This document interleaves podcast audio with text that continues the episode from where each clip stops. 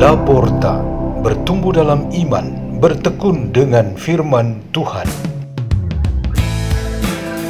Radio Laporta, pintu terbuka bagimu untuk pertumbuhan pengetahuan dan kebijaksanaan tentang Allah.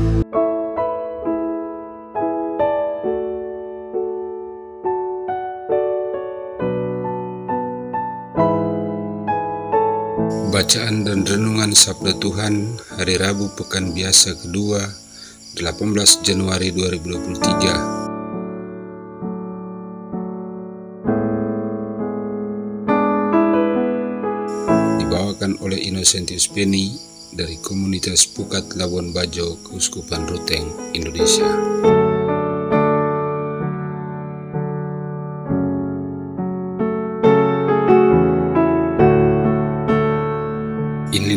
Injil suci menurut Markus bab 3 ayat 1 sampai 6. Pada suatu hari Sabat, Yesus masuk ke rumah ibadat. Di situ ada seorang yang mati sebelah tangannya.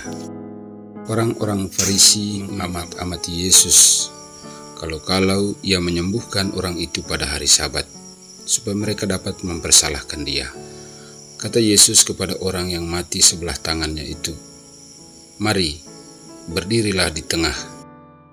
Kemudian Yesus berkata kepada mereka, "Manakah yang diperbolehkan pada hari Sabat, berbuat baik atau berbuat jahat, menyelamatkan nyawa orang atau membunuh orang?" Tetapi mereka itu diam saja. Yesus jengkel karena kedegilan mereka. Dengan marah ia memandang sekeliling lalu berkata kepada orang tadi, Ulurkanlah tanganmu. Ia pun mengulurkan tangannya, maka sembuhlah seketika.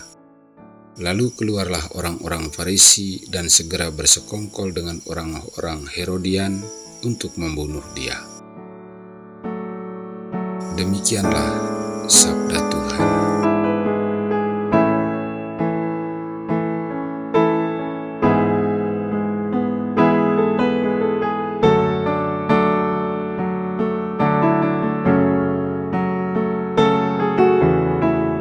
Renungan kita pada hari ini bertema Tuhan hendak menyembuhkan kita.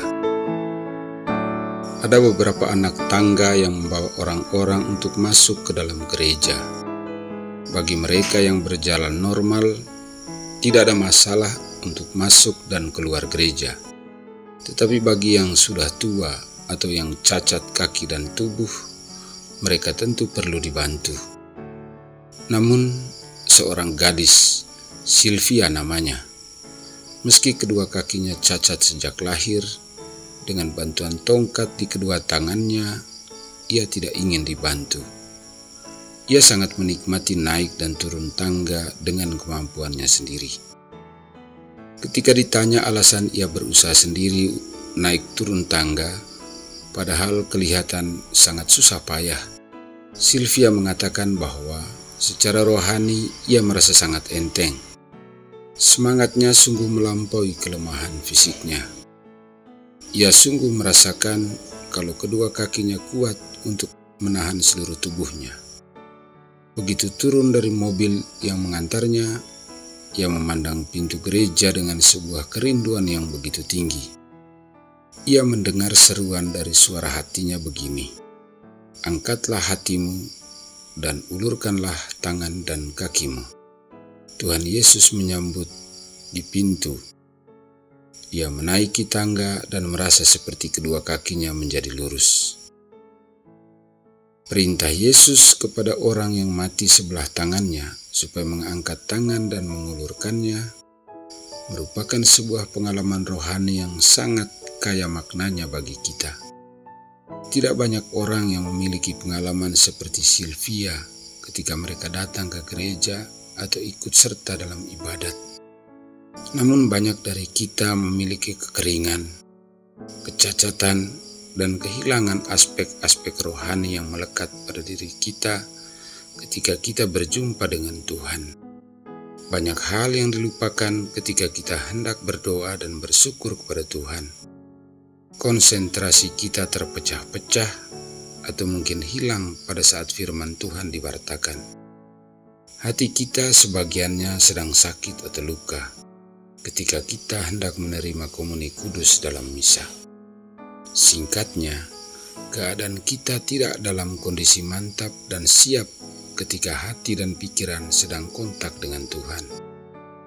Ini merupakan bukti-bukti sebagian atau banyak bagian dari rohani kita mati. Kita perlu mengangkat seluruh diri kita kepada Tuhan. Kita menaruh diri kita di hadapan Tuhan, mengulurkan tangan dan mengeluruskan kaki untuk berdiri, sambil membuka diri untuk menerima berkat penyembuhan dari Yesus. Yesus ingin menyembuhkan kita. Yesus menghendaki agar tubuh dan jiwa kita disembuhkan dan dalam keadaan normal. Namun demikian, kita mesti tetap berhati-hati sebab setan dan para pengikutnya berusaha keras untuk mencederai kita hingga mati. Apa yang sudah dipulihkan Yesus dicoba untuk dirusak oleh setan. Kita harus kuat dan tetap berada dalam terang kebijaksanaan Tuhan, sehingga dapat terhindar dari pengaruh si jahat. Marilah kita berdoa dalam nama Bapa dan Putra dan Roh Kudus. Tuhan Yesus, lindungilah kami dari upaya si jahat untuk mematikan tubuh dan jiwa kami. Kemuliaan kepada Bapa dan Putra dan Roh Kudus, seperti pada permulaan, sekarang, selalu, dan sepanjang segala abad. Dalam nama Bapa dan Putra dan Roh Kudus. Amin. Radio Laporta, pintu terbuka bagimu.